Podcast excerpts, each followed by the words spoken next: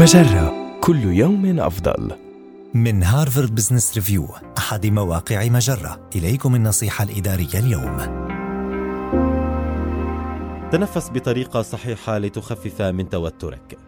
إذا كنت تواجه مستويات عالية من التوتر هذه الأيام، فهناك أداة يمكننا جميعا استخدامها لتخفيف من التوتر، ألا وهي التنفس. قد يبدو التنفس شيئا بسيطا ولكن عند فعله بطريقة صحيحة فإنه يصنع الفارق بين الذعر والقدرة على التحمل والصمود.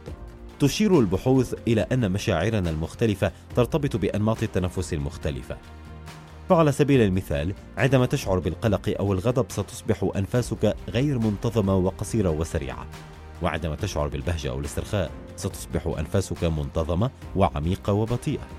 وصدق أو لا تصدق عندما تتبع أنماط التنفس المرتبطة بمشاعر محددة ستبدأ في الشعور بتلك المشاعر. لذا في المرة القادمة التي تشعر فيها أنك ستبدأ في التوتر حاول تغيير نسبة الشهيق مقارنة بالزفير. فعندما تستنشق الهواء تتسارع ضربات قلبك ولكنها تتباطأ عند إطلاق الزفير.